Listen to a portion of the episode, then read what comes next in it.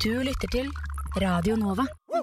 Polen vil trekke seg fra Istanbul-konvensjonen, kunne man lese i flere norske medier i august 2020. Og Erdogan trekker Tyrkia ut av konvensjonen mot vold i nære relasjoner, var en av overskriftene for bare litt over en uke siden. Hva er egentlig denne Istanbul-konvensjonen, og hvorfor har den blitt så kontroversiell i enkelte land? Du hører på et eget rom, og denne gangen så er det Marte Seimer, Katrine Oppheim og Linda Rosenberg som skal dukke ned i nok et uh, feministisk tema, som altså er denne konvensjonen mot vold i nære relasjoner. Eh, og nå er det jo en liten stund siden forrige um, mm, podkast. Marte, det var vel du og jeg som snakket om 8. Eh, mars for noen uker siden. Ja, det var det. Hadde dere en uh, Fikk dere markert kvinnedagen i år på noen måte? Jeg våknet opp med mange Hadde mange, fått mange meldinger av, eh, fra kvinner, queens, i min familie som hadde sendt uh, meldinger. Og så sa jeg gratulerer med dagen til uh, to kvinner bak kassa på Kaffebrenneriet. Og så så jeg på et arrangement i regi av uh, Nasjonalgalleriet. Gjorde dere noe Hadde Markerte dere? Jeg var på reisefot, så det passa eh, ikke så veldig med å delta på arrangement og sånn. Men i disse koronatider eh, Jeg skal ta tilbake det uttrykket, fordi vi er fortsatt i en, en slik periode. Så skrev jeg et ganske langt innlegg på sosiale medier, eller jeg delte en lang Instagram-story der jeg delte noen tanker og følelser av det på 8. mars. Og ja, det var ikke, det var ikke den største feiringa, men det føles i hvert fall ut som eh, noe i det her rare året, da. Det var jo veldig mye som tok sted på nettet, og ikke fysisk, da. Jeg møtte Eline og Lisa, tidligere Et eget rom-medlemmer.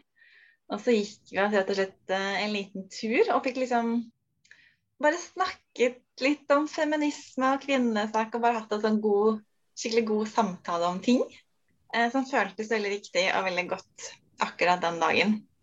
Og bare liksom treffe bra damer som man ikke ser så veldig ofte. I hvert fall ikke nå som noen man skal egentlig ikke treffes i det hele tatt, nesten.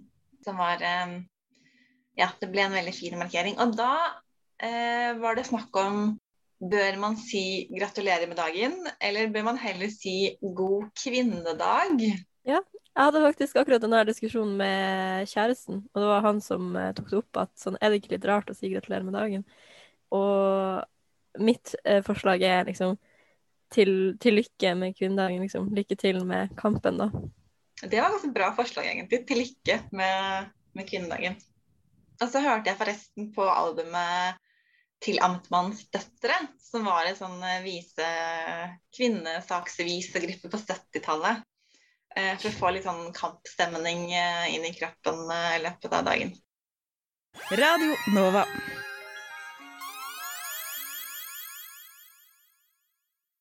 Men nå er det litt andre ting som er tema. og Jeg tenkte vi kunne bare ta litt sånn kort igjennom denne konvensjonen først.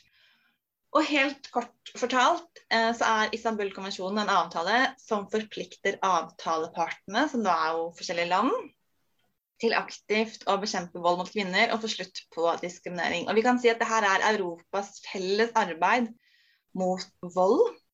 Eh, og dette er da Europarådets konvensjon, som ble lagt frem i 2011. og Den er altså juridisk bindende med en gang man ratifiserer avtalen. Og Eh, bare for å klargjøre det også, Europarådet det er en sånn mellomstatlig organisasjon som først og fremst jobber eh, for å verne om menneskerettigheter, demokrati og rettsstatsprinsippet. Og det er her man finner den eh, europeiske menneskerettighetsdomstol, som kanskje eh, ganske mange har hørt om. Og denne avtalen som da først ble signert i Istanbul av Tyrkia, som vi skal snakke litt om eh, i løpet av denne podkasten, den pålegger partene å sikre at visse handlinger er straffbare. Eh, og da kan vi nevne psykisk vold, personforfølgelse, fysisk vold, seksuell vold, voldtekt, tvangsekteskap, kjønnslemlestelse, tvungen abort og tvungen sterilisering. Eh, det forplikter også landet til å sikre at eh, dette med såkalt ære eller tradisjon ikke kan brukes for å rettferdiggjøre voldshandlinger mot kvinner. Og man pålegges at seksuell trakassering skal møtes med sanksjoner. Og De aller fleste europeiske land er jo medlem i Europarådet, og av disse medlemmene så er det kun Russland og Aserbajdsjan som aldri har signert denne avtalen. I 2018 så slo Bulgarias domstol, eller grunnlovsdomstol fast at denne konvensjonen er i strid med landets grunnlov. Og derfor kunne altså Bulgaria ikke ratifisere denne avtalen.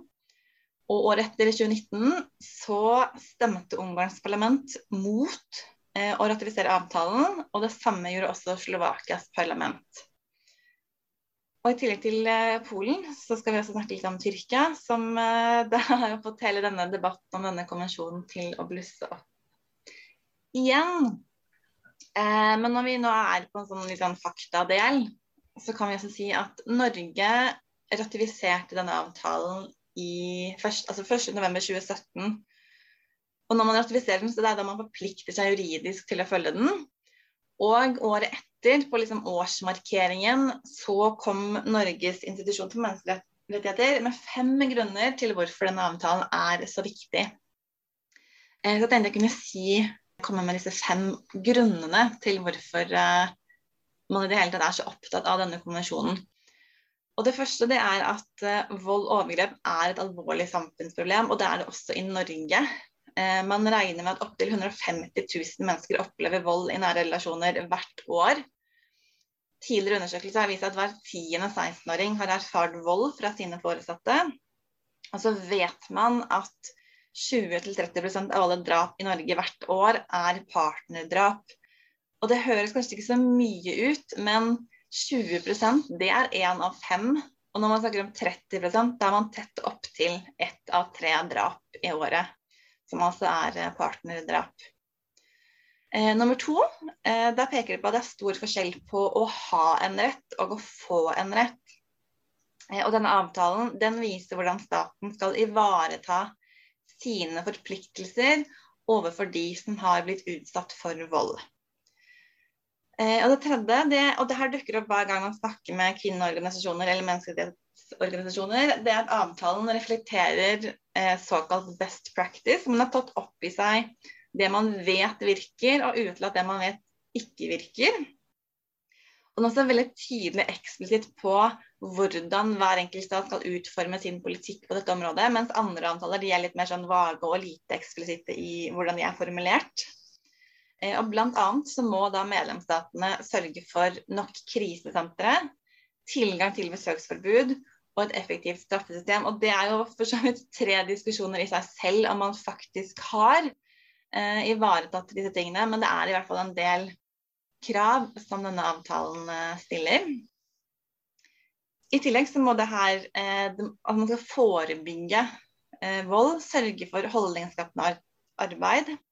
Eh, man skal lære barn om hvor grensene går for egen og andres kropp og seksualitet, og lære opp barnevern, skole, helsepersonell, politi osv. i hvordan man kan oppdage vold og overgrep. Og I tillegg så må myndighetene opprette et nasjonalt overvåkingsorgan som skal sørge for koordinering, implementering og evaluere alle tiltak som iverksettes for å forebygge og bekjempe vold og um, overgrep.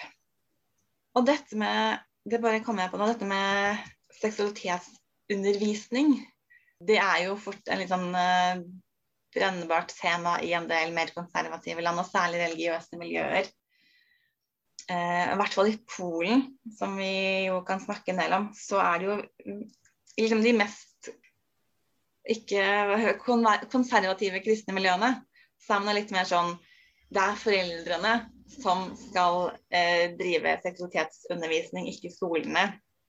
Og det handler jo bl.a. om LHBTQU-bokstavene, eh, som også har blitt dratt inn når man debatterer denne avtalen i Polen.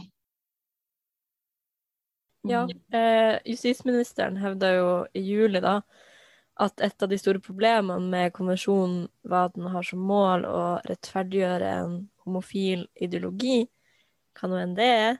og det som er at Istanbul-konvensjonen har ikke noen spesielle punkter eller krav rundt eh, skeives rettigheter, men det brukes likevel som argument for å kvitte seg med den. Ja, og Ikke bare i Polen, men også i Ungarn og Slovakia så har det blitt, eh, blitt et argument eh, mot det her. Men ja, det var jo eh, i fjor sommer at eh, Polens nasjonalkonservative regjering ville trekke seg fra avtalen. Eller helt presist, det var jo justisministeren Siobro som, eh, som ville trekke landet ut av avtalen. Og han er jo medlem av dette Lov- og rettferdighetspartiet, eller PIS. Men det var en liten konflikt der for sånn ti år siden omtrent. For han meldte seg ut, lagde sitt eget ultrakonservative parti. Det gikk ikke så bra. Så på et tidspunkt så måtte han liksom komme tilbake igjen. Så nå er han på en måte Jeg tror ikke han fremdeles er liksom medlem av PIS, men han har liksom hengt seg på dem igjen og blitt liksom en del av deres samarbeid, da. Og som justisminister har han jo sikkert en del makt over lov og rettferdighet i Polen, som de sier. Eh, men det virker altså som at eh, det fortsatt er under diskusjon i Polen, at de ikke har fatta en endelig avgjørelse på om de skal trekke seg ut eller ikke. Eh, de ratifiserte avtalen i 2015 under den forrige regjeringen, og det som er interessant, er at Altså Som følge av at de ratifiserte avtalen, så ble det opprettet en døgnåpen telefonlinje for voldsutsatte. Og det ble innført regler om at man skulle isolere voldsmenn og ofre helt i starten i etterforskningsfasen. Eh, og de tiltakene er jo regjeringen for, eh, til tross for at man, eller, ja, man har en justisminister som vil ut av denne avtalen. Og man har også polske hjelpeorganisasjoner som mener at nettopp det at man ratifiserte denne konvensjonen og har satt i gang en del arbeid, så har man fått positive endringer både i rettspraksis og når det gjelder å verne eh, ofrene for familievold. Eh, og det var også en spørreundersøkelse i forbindelse med at eh, justisministeren gikk ut og sa at nå må vi ut av den avtalen.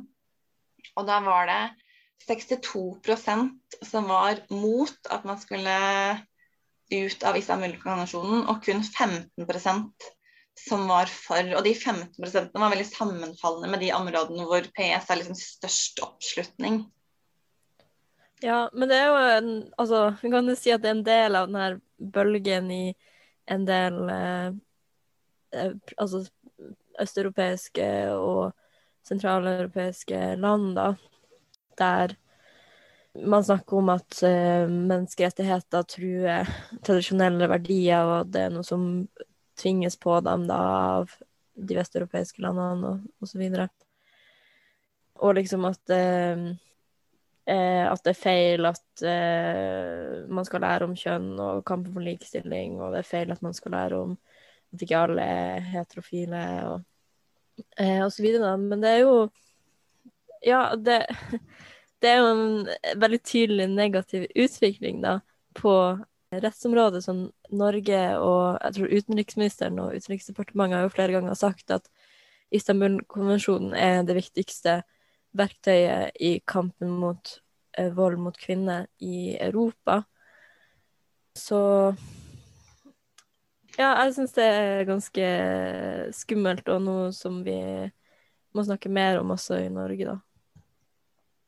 Eh, du nevnte jo også innledningsvis, eh, Linda, at, at Siobro ville ikke at man skulle lære om altså Mye av problemet med denne konvensjonen var jo da at barn kom til å lære om kjønn i skolen.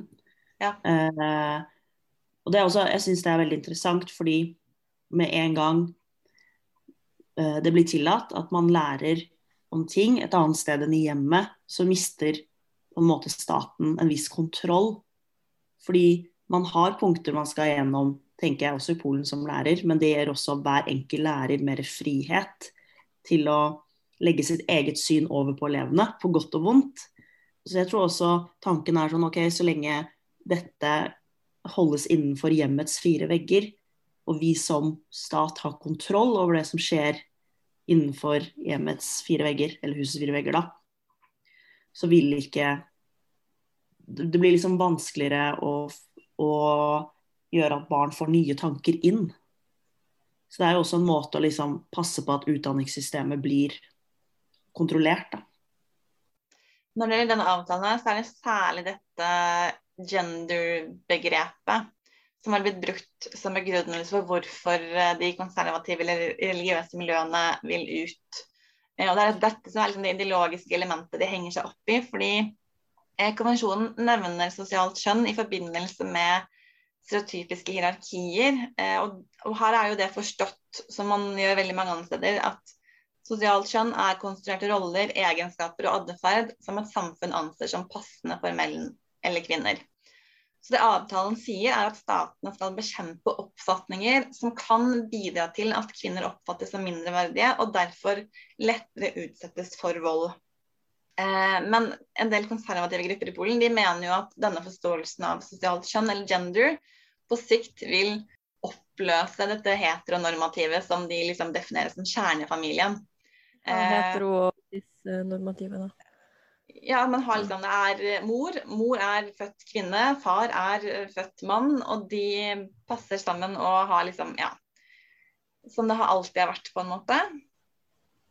Og disse gruppene mener jo at hele denne gender-forståelsen eller sosialt kjønn benekter at det er forskjeller mellom kvinner og menn. Og at kjønn er noe man bare definerer helt selv. Og dermed så oppløses jo alt hvis hver enkelt kan definere om man er mann eller kvinne eller ingen av delene eller begge deler. Uten at noen andre ting skal ha noe å si, da. Ja, det er ikke sånn at alle løper rundt og er litt sånn I dag er jeg kvinne, i dag er jeg mann. I, om i overmorgen så er liksom begge deler. Det er ikke sånn det fungerer i praksis.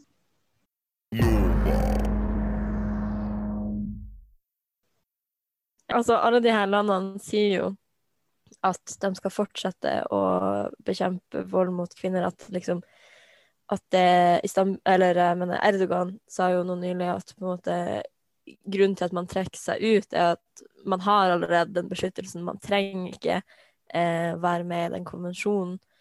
Men det som Ja, eh, det som er, er jo at eh, denne Istanbul-konvensjonen har jo vært eh, en av de få eh, plassene der man faktisk har sånne Eh, kontrollmekanismer og noen andre som, som sikrer at staten eh, overholder sine forpliktelser og, eh, mot eh, Nei, forpliktelser til eh, innbyggerne og borgerne, da. Sånn at eh, i praksis så vil det jo si at det blir mye lettere for de her landene å, å ja, slutte å slutte å kjempe mot ja, vold mot kvinner, eller, sånn, eller innføre diskriminerende lovverk osv., da. Men um, dere har kanskje sett, eller i hvert fall du Katrine, litt mer på Tyrkia. fordi min oppfattelse er at det er litt forskjellige diskusjoner i Polen kontra i Tyrkia. For i Polen er det veldig sånn der, dette med ideologi og gender og LHBTQI og litt mer der. Mens i Tyrkia så virker det litt mer sånn familieverdier, på en måte? At eh, ja Kan, kan det være en ja, riktig altså De sier jo òg at uh, de ikke liker at uh, konvensjonen åpner for å gi homofile rettigheter, selv om uh, det ikke står noen plass i konvensjonen. men også at den fremmer skilsmisse og skader kjernefamilien. Og ja, og spesielt det her med liksom Eh, fremmer, at det fremmer skilsmisse, da, at på en måte eh, vold Da tenker man jo at vold i hjemmet er et personlig problem som, eh, som liksom hver enkelt eh, familie skal finne ut av, i stedet for å innrømme at det er et stort eh, samfunnsproblem, og at eh, det mangler Altså at ofrene mangler rettssikkerhet, rett og slett. Så altså, jeg tror definitivt at alle de her landene som har trukket seg ut av måte, har inspirert hverandre litt, eller de Altså, og nå er det jo ikke sånn at på en måte, alle som er et land, bestemmer, uh, mener det samme og sånn og sånn, men altså de her regjeringspartiene, da. Og at uh, man bruker mye av den samme begrunnelsen og retorikken, og spesielt det her med at eh, ja, Vesten og eh, vestlige verdier prøver å oppløse de tradisjonene som vi har, da, som er et veldig sterkt eh, argument, fordi det er ja, som liksom eh, går rett inn i hjertene på folk, da, fordi folk er opptatt av å bevare sin kultur i den eh, globaliserte virkeligheten. Man kan, Ja. eh, man kan jo også lese at eh, i Polen så eh, er det mange som har kritisert konvensjonen eh, for å presse De mener at den presser vestlige verdier inn i det tyrkiske samfunnet. Eh, hva nå enn de vestlige verdiene er. Og at den er Altså den strider med de konservative syn på familie, da. Og kvinners rolle i samfunnet. Og jeg tenker at det er også et tankekors når jeg tror når kanskje verdier som jeg tenker alle mennesker kan ha når det handler om beskyttelse, blir plassert inn i at dette er en vestlig verdi. Eh, For da er det også veldig lett å få mange til å være imot den. Det er veldig lett argumentasjon argumentasjon som gjør at jeg tror veldig mange også kan stille seg fiendtlig innstilt til den uten å være klar over hva det betyr. Bare ved det å si at her er det Vesten som kommer inn og prøver å styre vårt land. Fordi Vesten har ikke et godt rulleblad i form av det. Det er akkurat det. Vi, vi er jo kjent for, hvis jeg kan si vi, da, for å invadere, invadere og herje. Det har vi gjort siden tidenes morgen. Eh, Så også ved å bruke en såpass billig retorikk, eh, så Mm. gjør det også veldig eh, vanskelig for den vanlige mannen i gata, f.eks. i Tyrkia, å forstå hva det innebærer. Fordi det, når, best, når den vestlige verden truer dems måte Ja, å leve helt, Uh, jeg er helt enig. Jeg tror du setter fingeren på noe veldig viktig der. Fordi jeg har også lurt en god del på altså hvorfor i alle dager bruker regjeringa i Polen f.eks. så mye tid og krefter og energi på å snakke om altså f.eks. transpersoner, som er en veldig liten gruppe i samfunnet, og skeive generelt, som utgjør en liksom, liten prosentandel, og liksom får det til å framstå som om eh, det er grupper med veldig mye makt. Da. Og jeg tror at ja, årsaken, eller no, en del av årsaken er i hvert fall det du sier, da, at eh, du spiller på folk sin frykt, og så man kobler det sammen med det her med eh, Ja, at eh, At man føler at man mister selvbestemmelsesrett, eller at eh, eh, Eller makta til EU og andre europeiske land, da, når det egentlig handler om at eh, staten ikke ønsker å oppfylle menneskerettigheter til folk.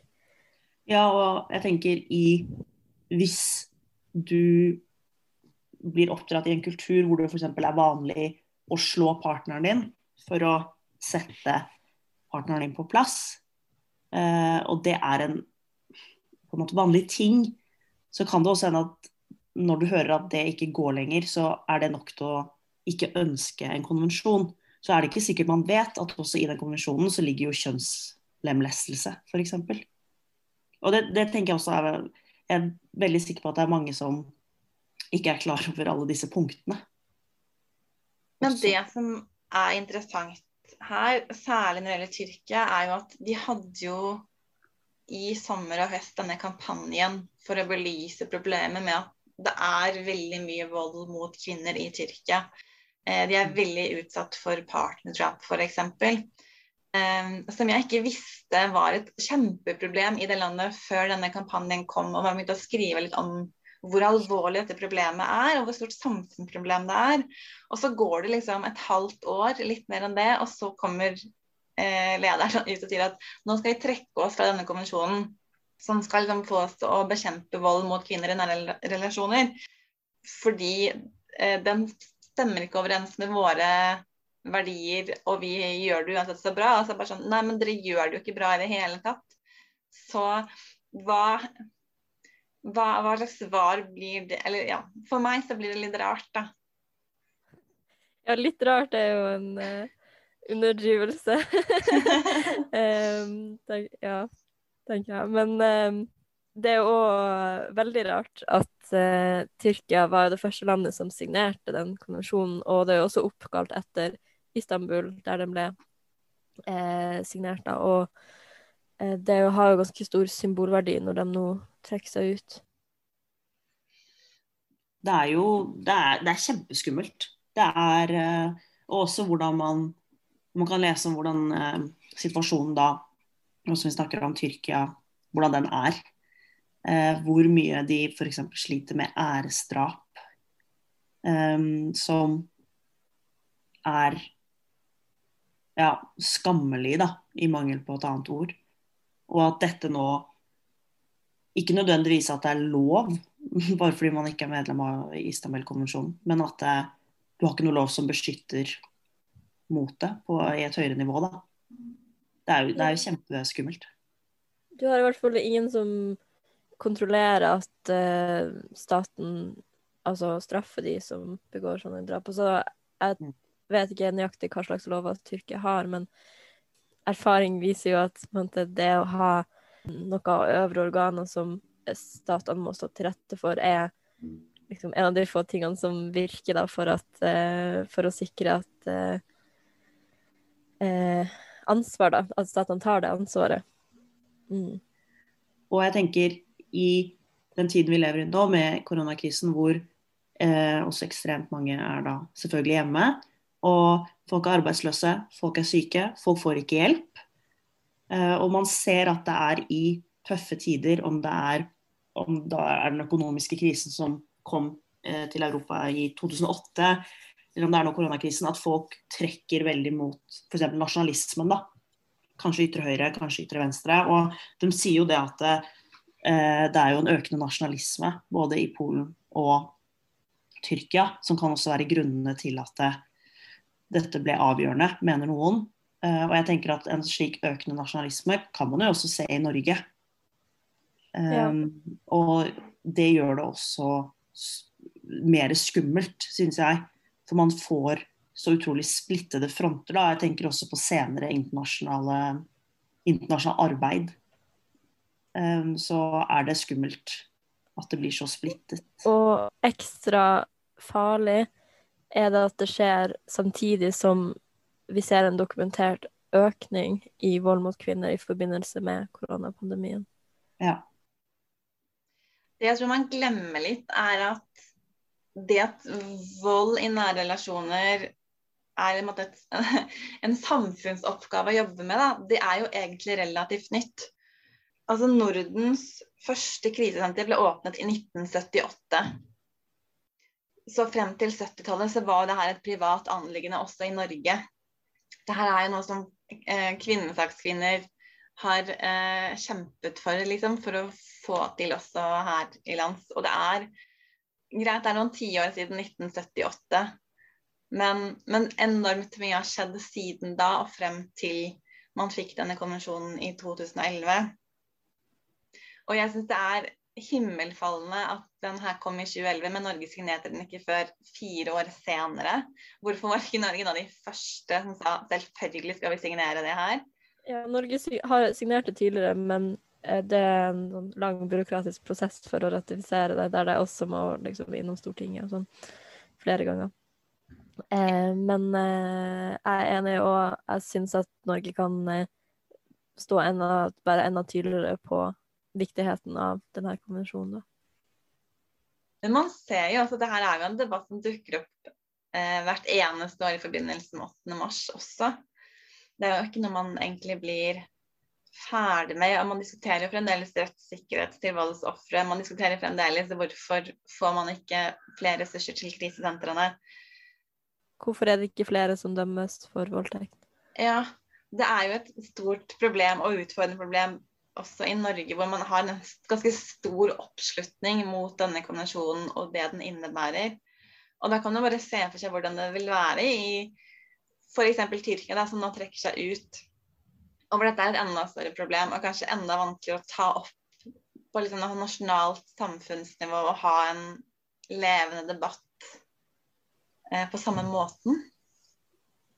Ja, og spesielt når det blir framstilt på en så ensidig måte, da.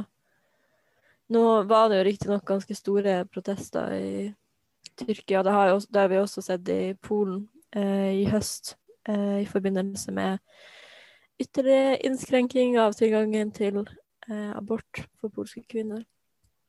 Men ja, og spesielt eh, når man også ser at eh, ja, ytringsfriheten og tilgangen til eh, Eller forholdene for journalister blir vanskeligere. At Ja. Jeg kjenner at jeg, jeg synes sånne nyheter kan være veldig vanskelig å forholde meg til. At jeg fort kan miste og Ikke troen eh, på alt, men at jeg blir litt blir veldig så sliten. Det er så, det er så lang vei å gå. Og man skulle tro at det, eh, en slik konvensjon på en måte skulle være noe man kunne forholde seg til. Og det betyr ikke det at eh, selv om det hadde at Polen og Tyrkia hadde blitt med, at det hadde løst problemene i de landene. Men det er noe med at det setter en standard i samfunnet, tenker jeg. Eh, også for fremtidige generasjoner på hvordan man vil ha det. Og jeg tenker også på de unge som bor i Tyrkia og i Polen, som demonstrerer mot det her, og møter en, en vegg av Hva blir det? Av bare Det kommer ikke til å skje. Det, ja, jeg syns det er jeg synes det er veldig fælt, egentlig. Veldig, veldig trist for fremtiden. Vi må eh, runde litt av, for det er ikke så veldig mange minutter igjen vi har til rådighet. Men det er vel det er noen forskjeller eh, mellom Polen og Tyrkia. fordi hva er egentlig status i Polen når det gjelder denne avtalen? Ja, de vil jo trekke seg ut. Eh, jeg vet at Tyrkia trekker seg ut 21.07.2021, eh, men eh, vi har vel ikke funnet noe dato nå som er offisielt for Polen. Så slik jeg, Da jeg søkte litt i stad, så virket det som om de avventer situasjonen. Tror jeg. Og da var det noen som sto i bresjen for denne konvensjonen i Polen, som sa at det her var, det her var jo bare Det var jo en seier. Uh, leste jeg før vi startet denne sendingen. Så, så nå er jeg litt usikker på om den er på vent, eller om det kommer en dato. Katrine skal si det snart, hun må bare ha litt stille i bakgrunnen. Men det ble vel presisert i høst i Dagens Næringsliv at det var, det var ikke en samlet regjering som sto bak. Det her kommer fra en justisminister, som er jo den mm. mest eh, konservative i en allerede konservativ regjering. Det kan hende det har vært litt sånn at regjeringen selv ikke helt vet, har visst hvordan man skulle håndtere dette forslaget. Men Katrine, er det stille hos deg nå, så du kan uh, supplere oss litt? Nei. det her er så korona-life, ass. Det er ja, Hjemmekontorlivet. Jeg sitter også og muter når jeg hører folk tar ut oppvaskmaskin og sånn her. Men det skulle diskuteres i midten av mars, var det ikke det vi fant ut? Da skulle det her være en debatt i det polske parlamentet.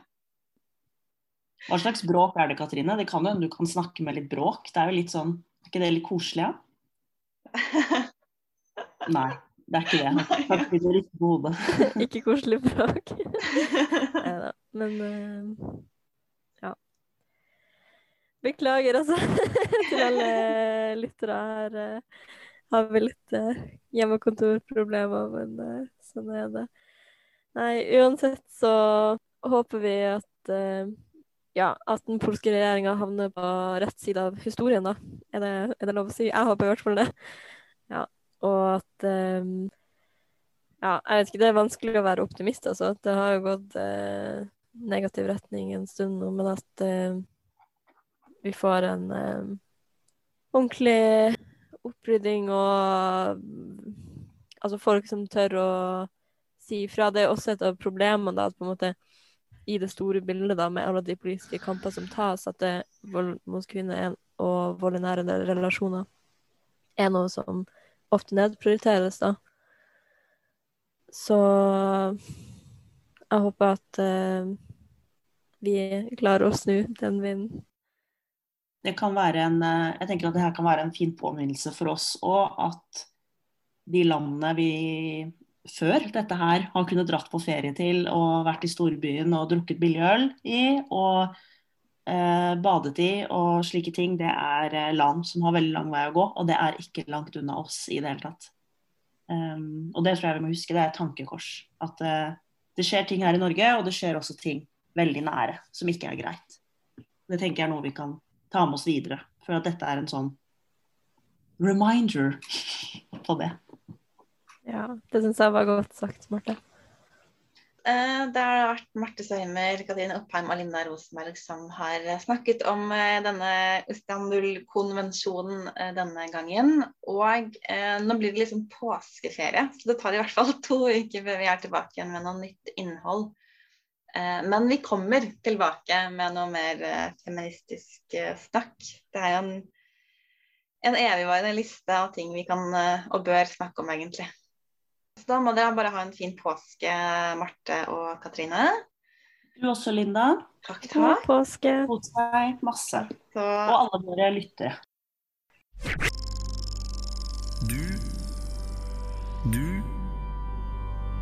Du hø hø hører på. på Radio Nova.